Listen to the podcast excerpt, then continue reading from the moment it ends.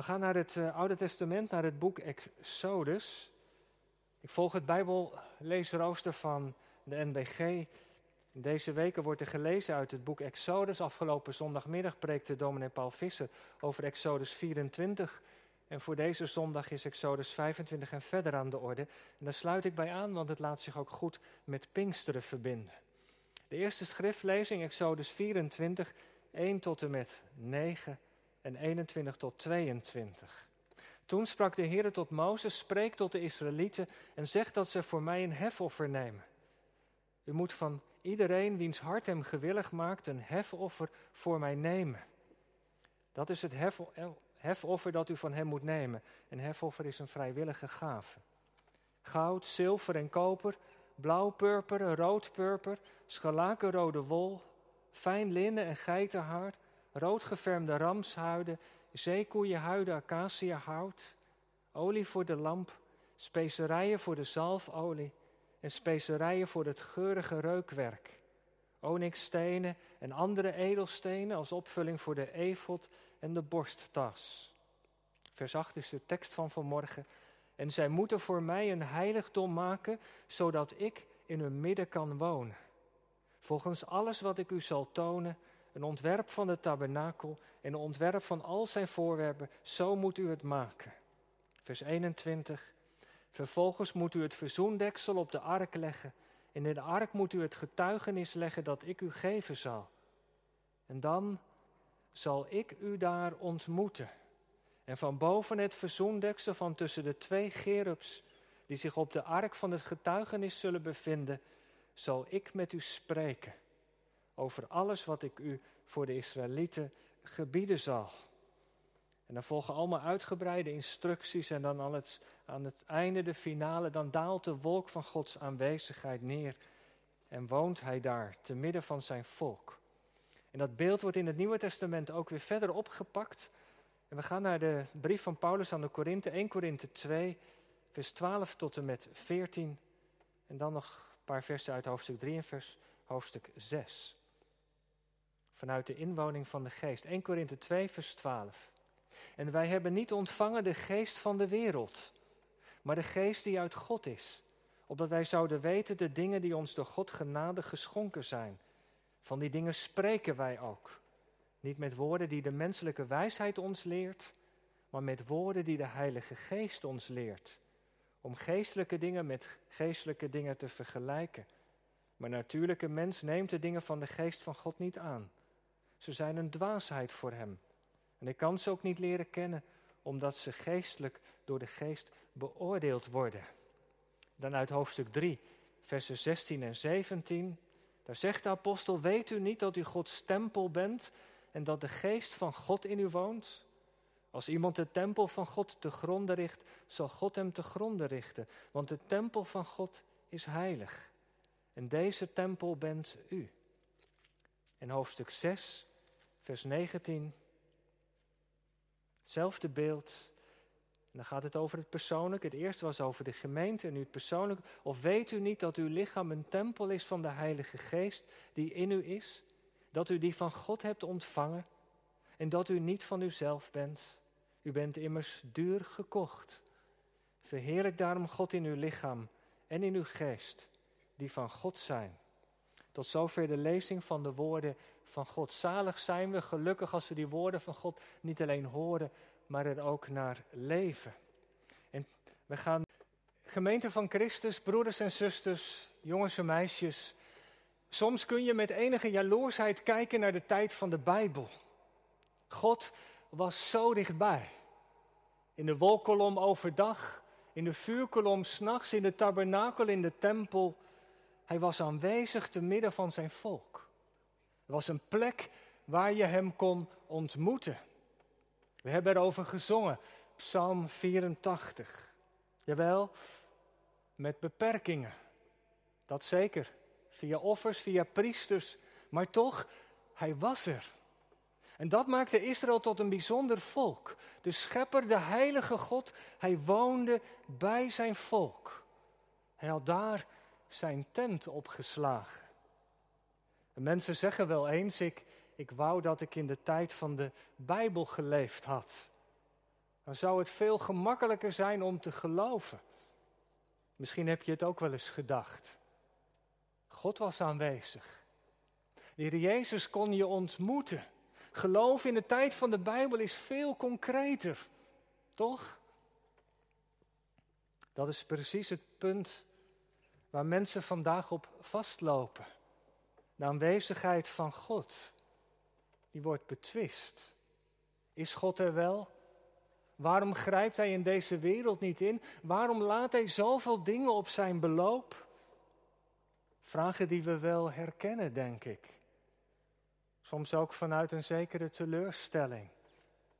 Zwijgt God soms? Heeft Hij zich verborgen? En als Hij er is, waarom merken we dan zo weinig van Hem?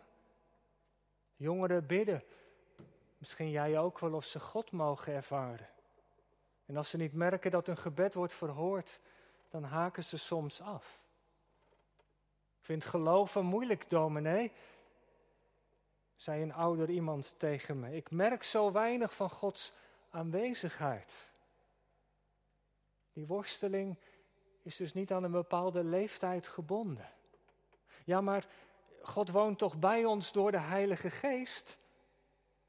Jazeker. Maar dat voelt voor mensen, misschien voor u of jou ook wel, vaak toch nog niet heel concreet. Het lijkt wel of hij verder weg is dan toen in de tijd van de Bijbel. De aanwezigheid van God, daar gaat het vanmorgen over. Hoe is God aanwezig? Hoe kunnen wij met Hem omgaan? Hoe kunnen wij Hem ervaren? Exodus 25 begint daarmee. Met die opdracht van God aan de Israëlieten. Jullie moeten voor mij een heiligdom bouwen, maken, zodat ik in jullie midden kan wonen.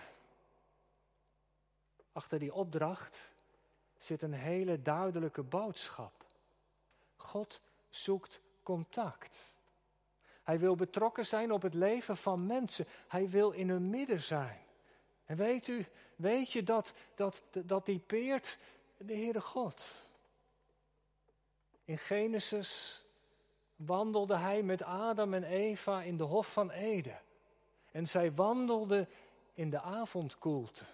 Vanaf het eerste begin zoekt God omgang met mensen. En de opdracht om de tabernakel te bouwen en later de tempel is daar het gevolg van. God en mens, God en mens die horen bij elkaar. En de, de bedoeling van die tent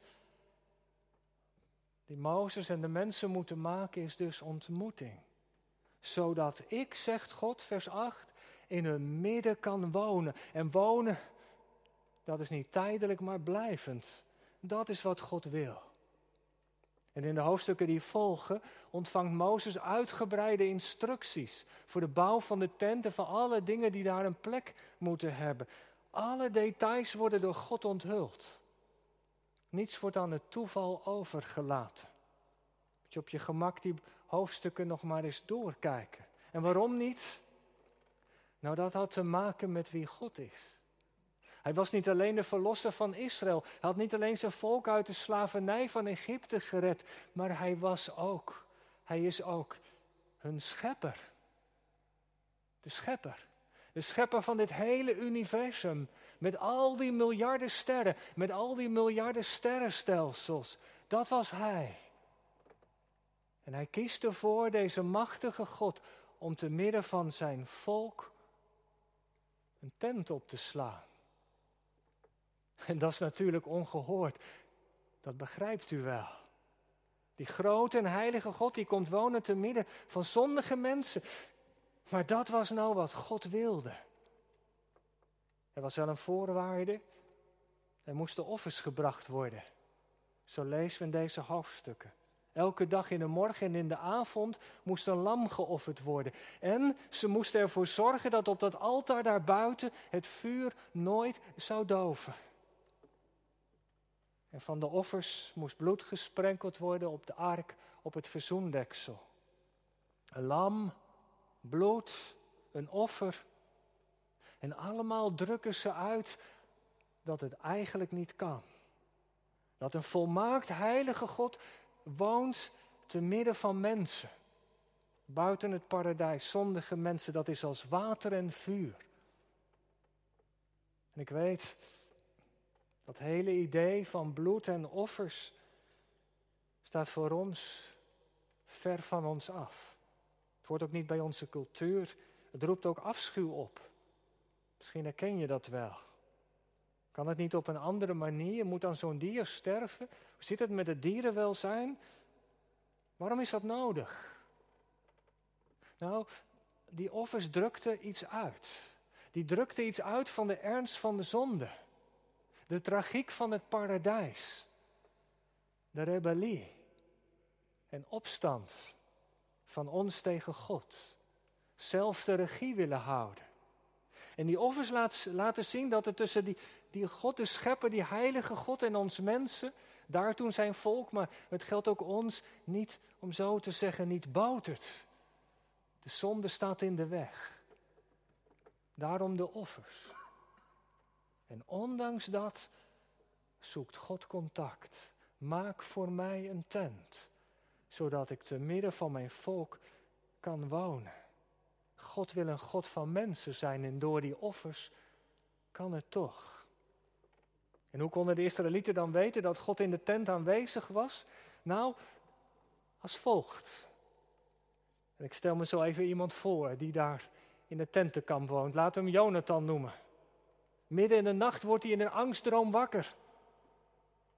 De dingen waren niet goed gegaan in zijn leven in de afgelopen dagen. En hij vraagt zich af, heeft dat nou gevolgen? Zou God nou om wat ik heb gedaan er vandoor willen gaan? En hij ligt te woelen in bed, hij kan niet slapen. En hij besluit de tent uit te gaan en even een wandeling te maken. En hij wandelt en, en hij ziet daar een licht. Oh ja, tabernakel, daar brandde een lamp. En zolang die lamp brandt, had God gezegd, woon ik te midden van mijn volk. Oh ja, God is er niet vandoor.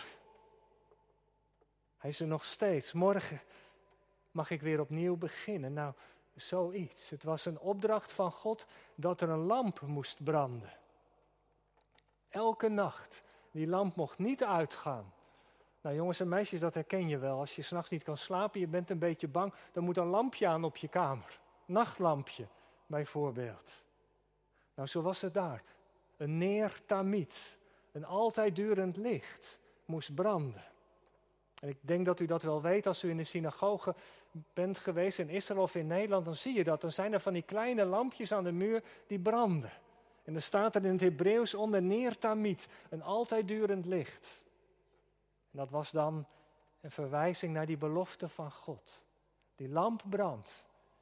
Ik ben er. Ik zal er zijn. En er was nog iets. De lamp brandde, God was aanwezig. Maar waarom was hij aanwezig? Als we even terugbladeren in het boek Exodus, dan zegt God dat nadat hij de wet heeft gegeven. Hij zegt op elke plaats waar ik mijn naam zal laten wonen, op elke plaats waar mensen komen om mij te ontmoeten, dan zal ik naar ze toe komen en ze zegenen. En in hoofdstuk 29 voegt God daar nog aan toe, als u komt bij de ingang van de tent voor mijn aangezicht, dan zal ik u daar ontmoeten om met u te spreken. Dat was het. Ontmoeting, spreken en zegen. Dat is waarom God woont te midden van zijn volk. En dat maakte de aanwezigheid van God in Israël zo bijzonder. Je snapt wel dat de profeten het daarna ook uitroepen. Wie is een God als u, heilig en tegelijk in ons midden? Maar weet u, weet je, die aanwezigheid van God was geen automatisme. Ja, natuurlijk is God er. Nee, natuur is de vijand van de genade. Het kan ook misgaan en ik noem twee dingen. Het gaat mis als mensen de aanwezigheid van God gaan claimen voor hun eigen plannen. Dat kan hè. Het gebeurde met de ark. 1 Samuel 4 en 5. Israël kan het niet winnen van de Filistijnen. Daar hadden ze zoveel last van. En ze komen op het lumineuze, nou ja, op het idee om de ark te pakken. Ze nemen de ark mee. Laat die in ons midden zijn, zeggen ze, dan zal God ons verlossen. Maar het loopt falikant mis. De ark eindigt in een tempel en er gebeurt van alles daar. Een hoop gaat er mis, want je mag God niet voor je karretje spannen. Zodat Hij gaat doen wat jij verlangt. Nee, het is andersom. Heren, wat wilt u dat ik doe? In plaats van, Heren, zegen wat ik graag wil. Je voelt wel het verschil. En het gaat in de tweede plaats ook mis als mensen denken dat God altijd aan hun kant staat. God met ons. Dat stond zelfs op de koppelriem, op de riemen van de Duitse soldaten. Als mensen denken dat God altijd aan hun kant staat en dat het niet uitmaakt hoe ze leven, dan gaat het ook mis. Jeremia 7. De mensen zeggen: Dit is de tempel van God. Ons kan niets overkomen. Hij is altijd in ons midden. Maar er komt de profeet. Jullie stelen. Jullie liegen. Jullie gaan vreemd. Jullie vergieten onschuldig bloed. Jullie gaan achter andere afgoden aan. Heb je God niet horen spreken? En hij had gesproken met verdriet en boosheid in zijn stem. Vroeg en laat heb ik tot u gesproken, maar u wilde niet luisteren. Zelfs door de megafoon van het lijden.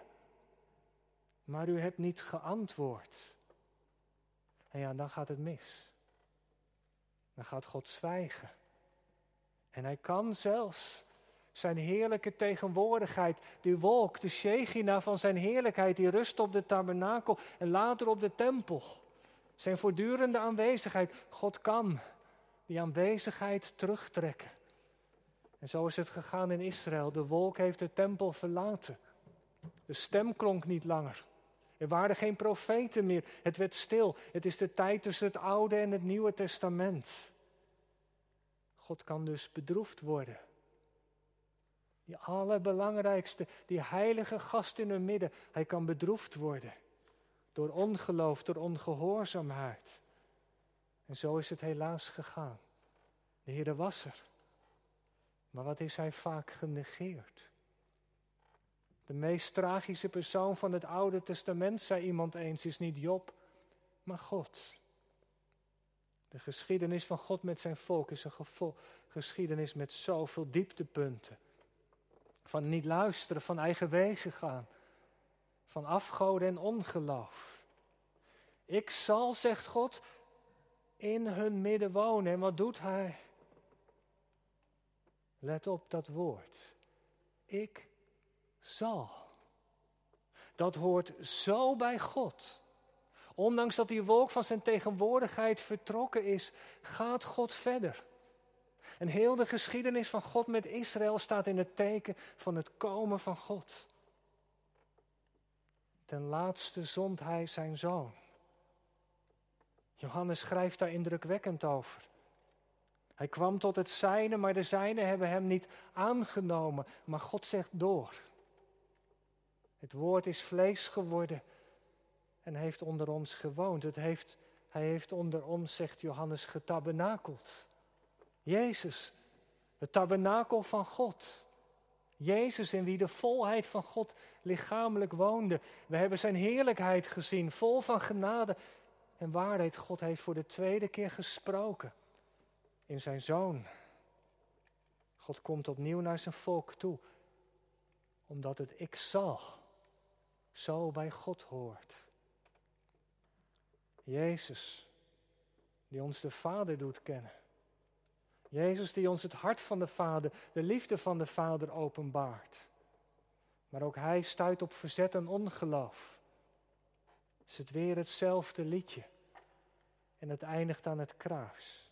Einde verhaal. Ja, dat zou terecht zijn. Maar nee. God wekt Jezus op uit de dood. Hij aanvaardt de verzoening van zijn zoon. En weet u, weet je, hij belooft voor de derde keer te komen. Het wordt Pinksteren. Jongens en meisjes, zo kan je het goed onthouden. Kerst, Immanuel, God met ons. Goede Vrijdag en Pasen, God voor ons. Jezus die voor ons zijn leven geeft. Pinksteren, het derde feest, is het feest van God in ons. Want God zei, ik zal in hun midden wonen. Ik zal. En de duif van Gods geest daalt neer en die zoekt landingsplekken in de harten van mensen. In de gemeenten en in de gelovigen. Ze worden tot een tempel. Tot een tempel gemaakt. En het is niet langer dat God spreekt van buitenaf, maar hij komt in hun hart wonen. Van binnenuit, daar waar de beslissingen vallen. Drie keer komt God. Drie keer is scheepsrecht. Gemeente, broeders en zusters, ik vond het belangrijk om deze lijnen te trekken vanmorgen vanuit die tekst vanuit Exodus 25. Het is Pinksteren geweest. Gods geest is uitgestort. Ik zal, zegt God, voor de derde keer in hun midden wonen. En die belofte geldt voor Israël en voor de volkeren. Sinds Pinksteren zoekt de duif van Gods geest landingsplekken. Hier, in de kerk, in de huiskamer. De duif van Gods geest zoekt een landingsplek. En mag ik jou en u vragen, is de duif van de geest ook in jou of uw leven geland? Weet u of jij het eigendom van de Heer Jezus, heb je Hem lief? Heb je je gewonnen gegeven? Want weet u, daar staat of valt alles mee. Niemand kan zeggen, Jezus is Heer dan door de Heilige Geest. Het is de Geest die onze ogen opent. Vanuit de inwoning richt hij onze harten op de Heer Jezus. Je moet bij Hem zijn. Hij openbaart de liefde van God. Hij stort die uit, zegt Paulus, in onze harten. De Geest komt waar mensen hun knieën buigen voor de Koning, voor de Heer Jezus. Waar ze zich aan Hem gewonnen geven. Daar landt de duif. Daar maakt God woning. Daar tabernakelt Hij. Weet u, als ik de belofte van God overdenk, die oude belofte, ik zal in hun midden wonen, dan komen er drie dingen in mijn gedachten en daar eindig ik mee. Trek de lijnen even door. Gods aanwezigheid door zijn geest is in de eerste plaats een reden tot verwondering. Daar kunnen we ons toch wel iets bij voorstellen, toch? De geest is heilig. Wij zijn het niet. Er is van alles in mijn leven nog niet op orde. Mijn vlees, mijzelf. Er is strijd, water en vuur. Mijn geloof is vaak zo gebrekkig. Maar in dit alles is de geest gekomen om mij te helpen. Ik zal, zegt God, wonen. En dat is het evangelie wat we vanmorgen mogen horen. Ik hoef niet meer te vragen of God bij mij is. We doen dat wel vaak in ons gebed. Maar dat hoeft niet. We mogen danken dat Hij in ons woont. Hij is gekomen om te blijven. Het kan eigenlijk niet. Maar ik mag het toch geloven. Waar ik ben, bent u. Wat een kostbaar geheim. En weet u, weet je dat Gods geest in ons woont, is een zaak van geloof, van vertrouwen. De Bijbel vertelt dat de geest komt in de weg van, van geloof en van bekering. Van, van je gewonnen geven. Je leven uit handen geven, van je overgeven aan de Heer Jezus. En iedereen die dat doet, ontvangt dat geschenk. Ontvangt die inwoning. Iedereen die de Jezus als zijn zaligmaker erkent. Als haar verlosser. Kan dat alleen maar doen door de geest. Die in ons woont. En daar mag ik u mee bemoedigen vanmorgen. En jou ook. Want het evangelie vertelt dat als ik geloof. Gods geest in mij woont. En dat is dat is een heilsfeit. Dat mogen we geloven. Of we het ervaren of niet, dat is wat anders. Die ervaring is er misschien niet altijd. Maar de inwoning hangt niet af van de ervaring. Maar Of ik mijn leven aan de Jezus heb gegeven. Daar staat of valt alles mee. Dat is het beslissende. Dat is het fundament. Het ervaren kan er wel bij komen, zeker. Want ja, hoe gaat dat? Als de geest mij laat zien wie ik ben. Als de geest mij wijst op de genade van de Heer Jezus, dan, dan laat je dat natuurlijk niet koud. Als de geest weer tegen mij zegt, je moet bij de Heer Jezus zijn. Lees over Hem, luister naar Hem. Onderzoek Zijn woorden. Dat is iets wat ik mag doen. Elke dag weer. Maar in die weg gaan mijn ogen open. Voor de genade en de schoonheid van de Jezus. Hij overtuigt mij dat ook ik met mijn verleden en mijn rugzak een kind van God mag zijn. Hij fluistert mij in de oren. Het offer van de Jezus is genoeg. En hoe meer, ik weet niet hoe, dat, hoe uw ervaring is, maar hoe meer dat tot je doordringt. Hoe stiller het wordt in je hart, hoe verwonderd. Hoe meer je het misschien ook wel gaat uitzingen. Die liefde van God laat je niet koud. Maar het begint niet bij de ervaring. Het begint bij het heilsfeit, bij de belofte van God. De inwoning van de geest. Niet dat ik het begrijp. Maar ik weet dat Hij mij begrijpt. Dat is genoeg. Het tweede. Gods aanwezigheid door de geest vraagt in de tweede plaats ook een toegewijd leven. Ik denk dat we ons dat allemaal wel kunnen voorstellen. Als je een hoge gast hebt in huis, dan doe je best om het hem of haar naar zijn zin te maken. Zomaar even dat verhaaltje van de kinderen toe straks. Er is respect.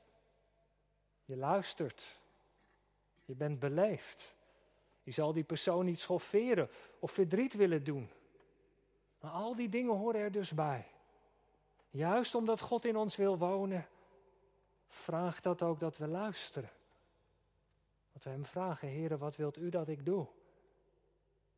En weet je, we doen de geest verdriet met onheilig leven, met onreinheid, met Hem niet bij ons leven betrekken, met zonde. Dan kan Hij er het zwijgen toe doen.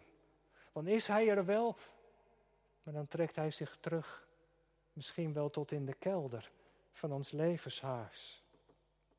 En weet u, weet je, ik dacht, als je nou in je leven de Heere God helemaal niet ervaart, dan is het misschien goed om je in ieder geval dit af te vragen. Of je ook daadwerkelijk je leven aan de Heer Jezus hebt gegeven. Is die ommekeer in je leven geweest dat je op je knieën ging en je voor Hem aan Hem gewonnen gaf? En het tweede, het zou ook kunnen dat je niets ervaart door hoe je leeft. Dat je door je manier van leven de geest verdriet doet. Als je niet met de Jezus bezig bent, bijvoorbeeld, kun je de geest verdriet doen. En verdrietige mensen worden stil en trekken zich terug. Nogmaals, ervaren staat niet op de eerste plaats, laat dat duidelijk zijn. Maar dat kan wel een gevolg zijn door, door keuzes die we hebben gemaakt. En ik zou tegen u of jou zeggen, neem het mee in je gebed, bespreek het met de Heer. En hij zal het je duidelijk maken. En dan als laatste, daar eindig ik mee. Gods aanwezigheid door de geest is in de eerste plaats een reden tot verwondering.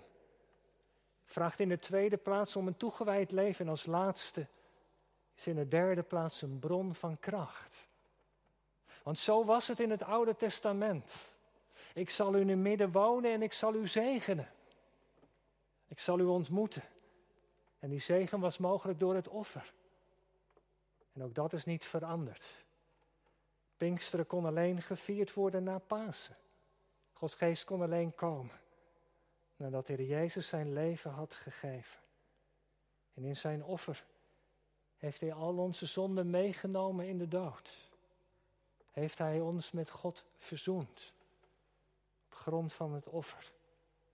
En door het geloof ontvangen wij de vrucht. Gelooft u dat? Geloof jij dat? Wat God zegt, want voor u is de belofte en voor uw kinderen en voor allen die nog verre zijn, deze belofte. U zult kracht ontvangen. Wanneer de geest over u komt, hebt u dat nodig? Heb jij dat nodig? Zijn er momenten dat je geen kracht hebt? De geest is gekomen ons die te schenken. Waar denk ik aan? Kracht om te gehoorzamen misschien, om te volharden, om te blijven geloven, om te getuigen, om een nieuwe stap te zetten. Met mijn God spring ik over een muur, zegt de dichter. Kracht om te bidden, volhardend voor de jongeren in de gemeente, voor de dingen die spelen in de samenleving, voor de vervolgde christenen. Vertrouwen dat God oneindig veel meer kan doen dan wij bidden of beseffen. Kracht om trouw te zijn aan de geboden van God. Ik dacht ook, kracht om het goede te zoeken voor de mensen. Om mensen te kijken, naar mensen te kijken met de ogen van de Heer Jezus. Wat hebben we dat vandaag de dag nodig? Wat speelt er veel? Welke kleur iemand ook heeft. Ieder mensenkind is geschapen naar het beeld van God. Black Lives Matter. Waarom? Omdat voor God elk leven van waarde is.